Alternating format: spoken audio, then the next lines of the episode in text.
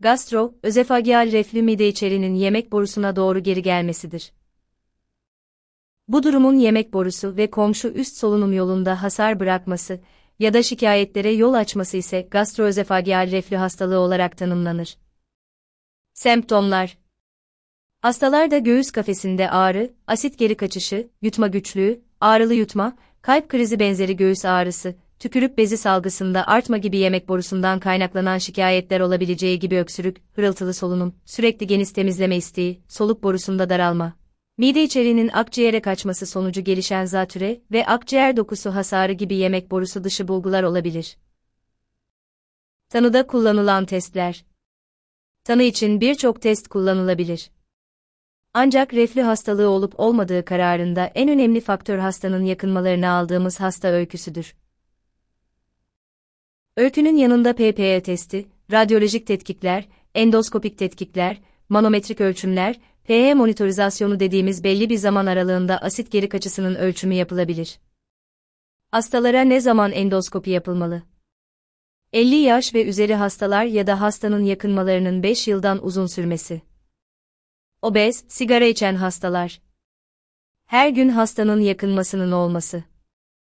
Birinci derece akrabasında Barrett özefagusu veya üst gastrointestinal sistem kanseri olan hastalar.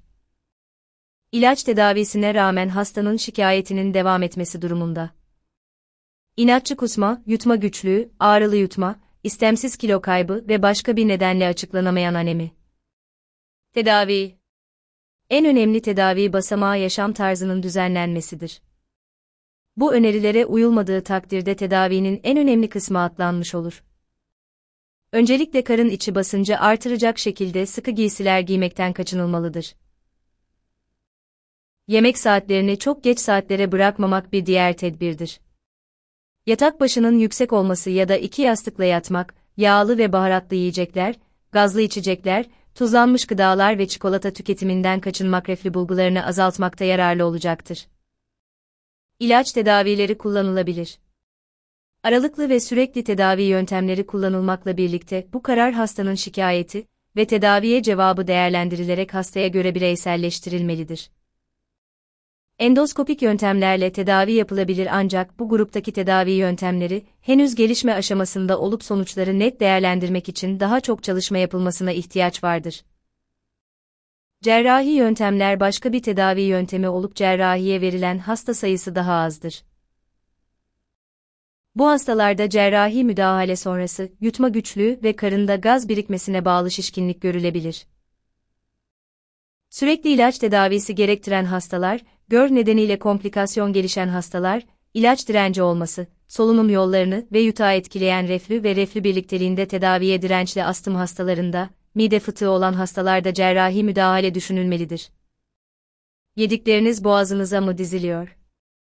Ağızda çiğnenerek sindirimi başlamış olan yiyecekler kürek görevi gören dilin yardımıyla yutak ve sonra yemek borusuna yönlendirilir.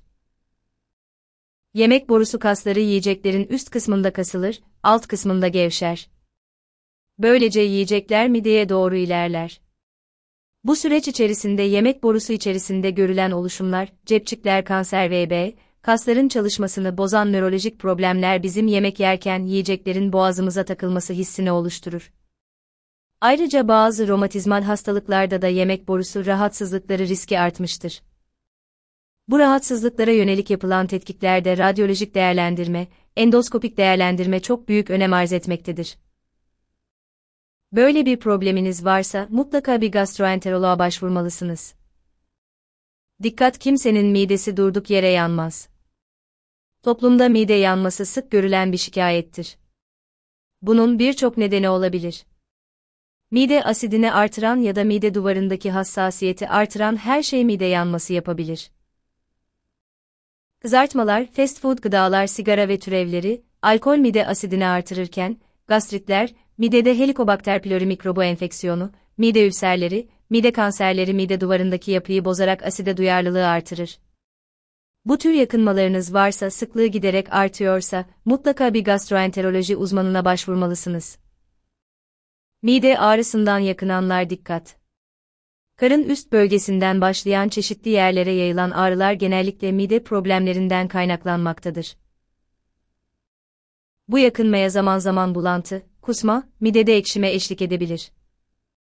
Bazen o kadar şiddetli olur ki kalp krizi ağrısı ile bile katılabilir. Nedenlerine bakacak olursak mide ile ilgili hastalıklar, diyet düzensizlikleri, alkol ve sigara kullanımı gelmektedir. Mide ile ilgili hastalıkların çoğunda mide ağrısı görülmektedir. Ancak mide ağrısının süresi ve yayılımı hastalığa göre değişiklik göstermektedir. Uzun süren mide ağrısı şikayeti mutlaka bir uzman tarafından değerlendirilmelidir. Mide ülserinden ne zaman korkmalıyız? Endoskopide midenizde ülser olduğu söylendi. Diyet listeleri, yasak listeleri, ilaçlar başlandıktan sonra doktorunuz size şunu söyleyecektir. Ay sonra tekrar endoskopi yapılıp ülserin iyileşip iyileşmediğine bakacağız. Peki neden? Bazı mide kanserleri ülser görünümünde başlar ve verilen ilaç tedavisiyle hızlıca düzelme göstermez. Bu yüzden mide ülserlerinde bizler mutlaka iyileşmesini görüp kontrol edene kadar rahat etmediğimiz durumlardan biridir. Yani her ülser kanser demek değildir. Ama erken tanı hayat kurtarır. Ayrıca belirtmek isterim ki endoskopi esnasında aldığımız biyopsiler kanser odağı varsa bunun yayılmasına neden olmaz. Nedir bu Helicobacter pylori'den çektiğimiz? Aslında bu mikrop çocukluk döneminde alınır. Genellikle hijyen koşulları kötü toplumlarda daha sık görünür. Çocukluk döneminde çocuklar oyun arasında ya da dış ortamlarda hijyen koşullarına çok özen göstermezler.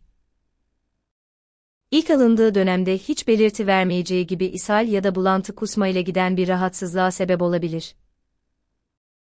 Yetişkin döneme gelindiğinde ise midede ve 12 parmak bağırsağında ülserlere neden olabilir. Mide duvarında incelme ve hatta uzun dönemde mide lenfomalarına neden olabilir. Bu yüzden çocuklarımızı çok küçük yaşta hijyen kurallarına dikkat eder şekilde yetiştirmeliyiz. Mide mikrobu varlığının tespiti için lütfen uzmanınıza başvurunuz.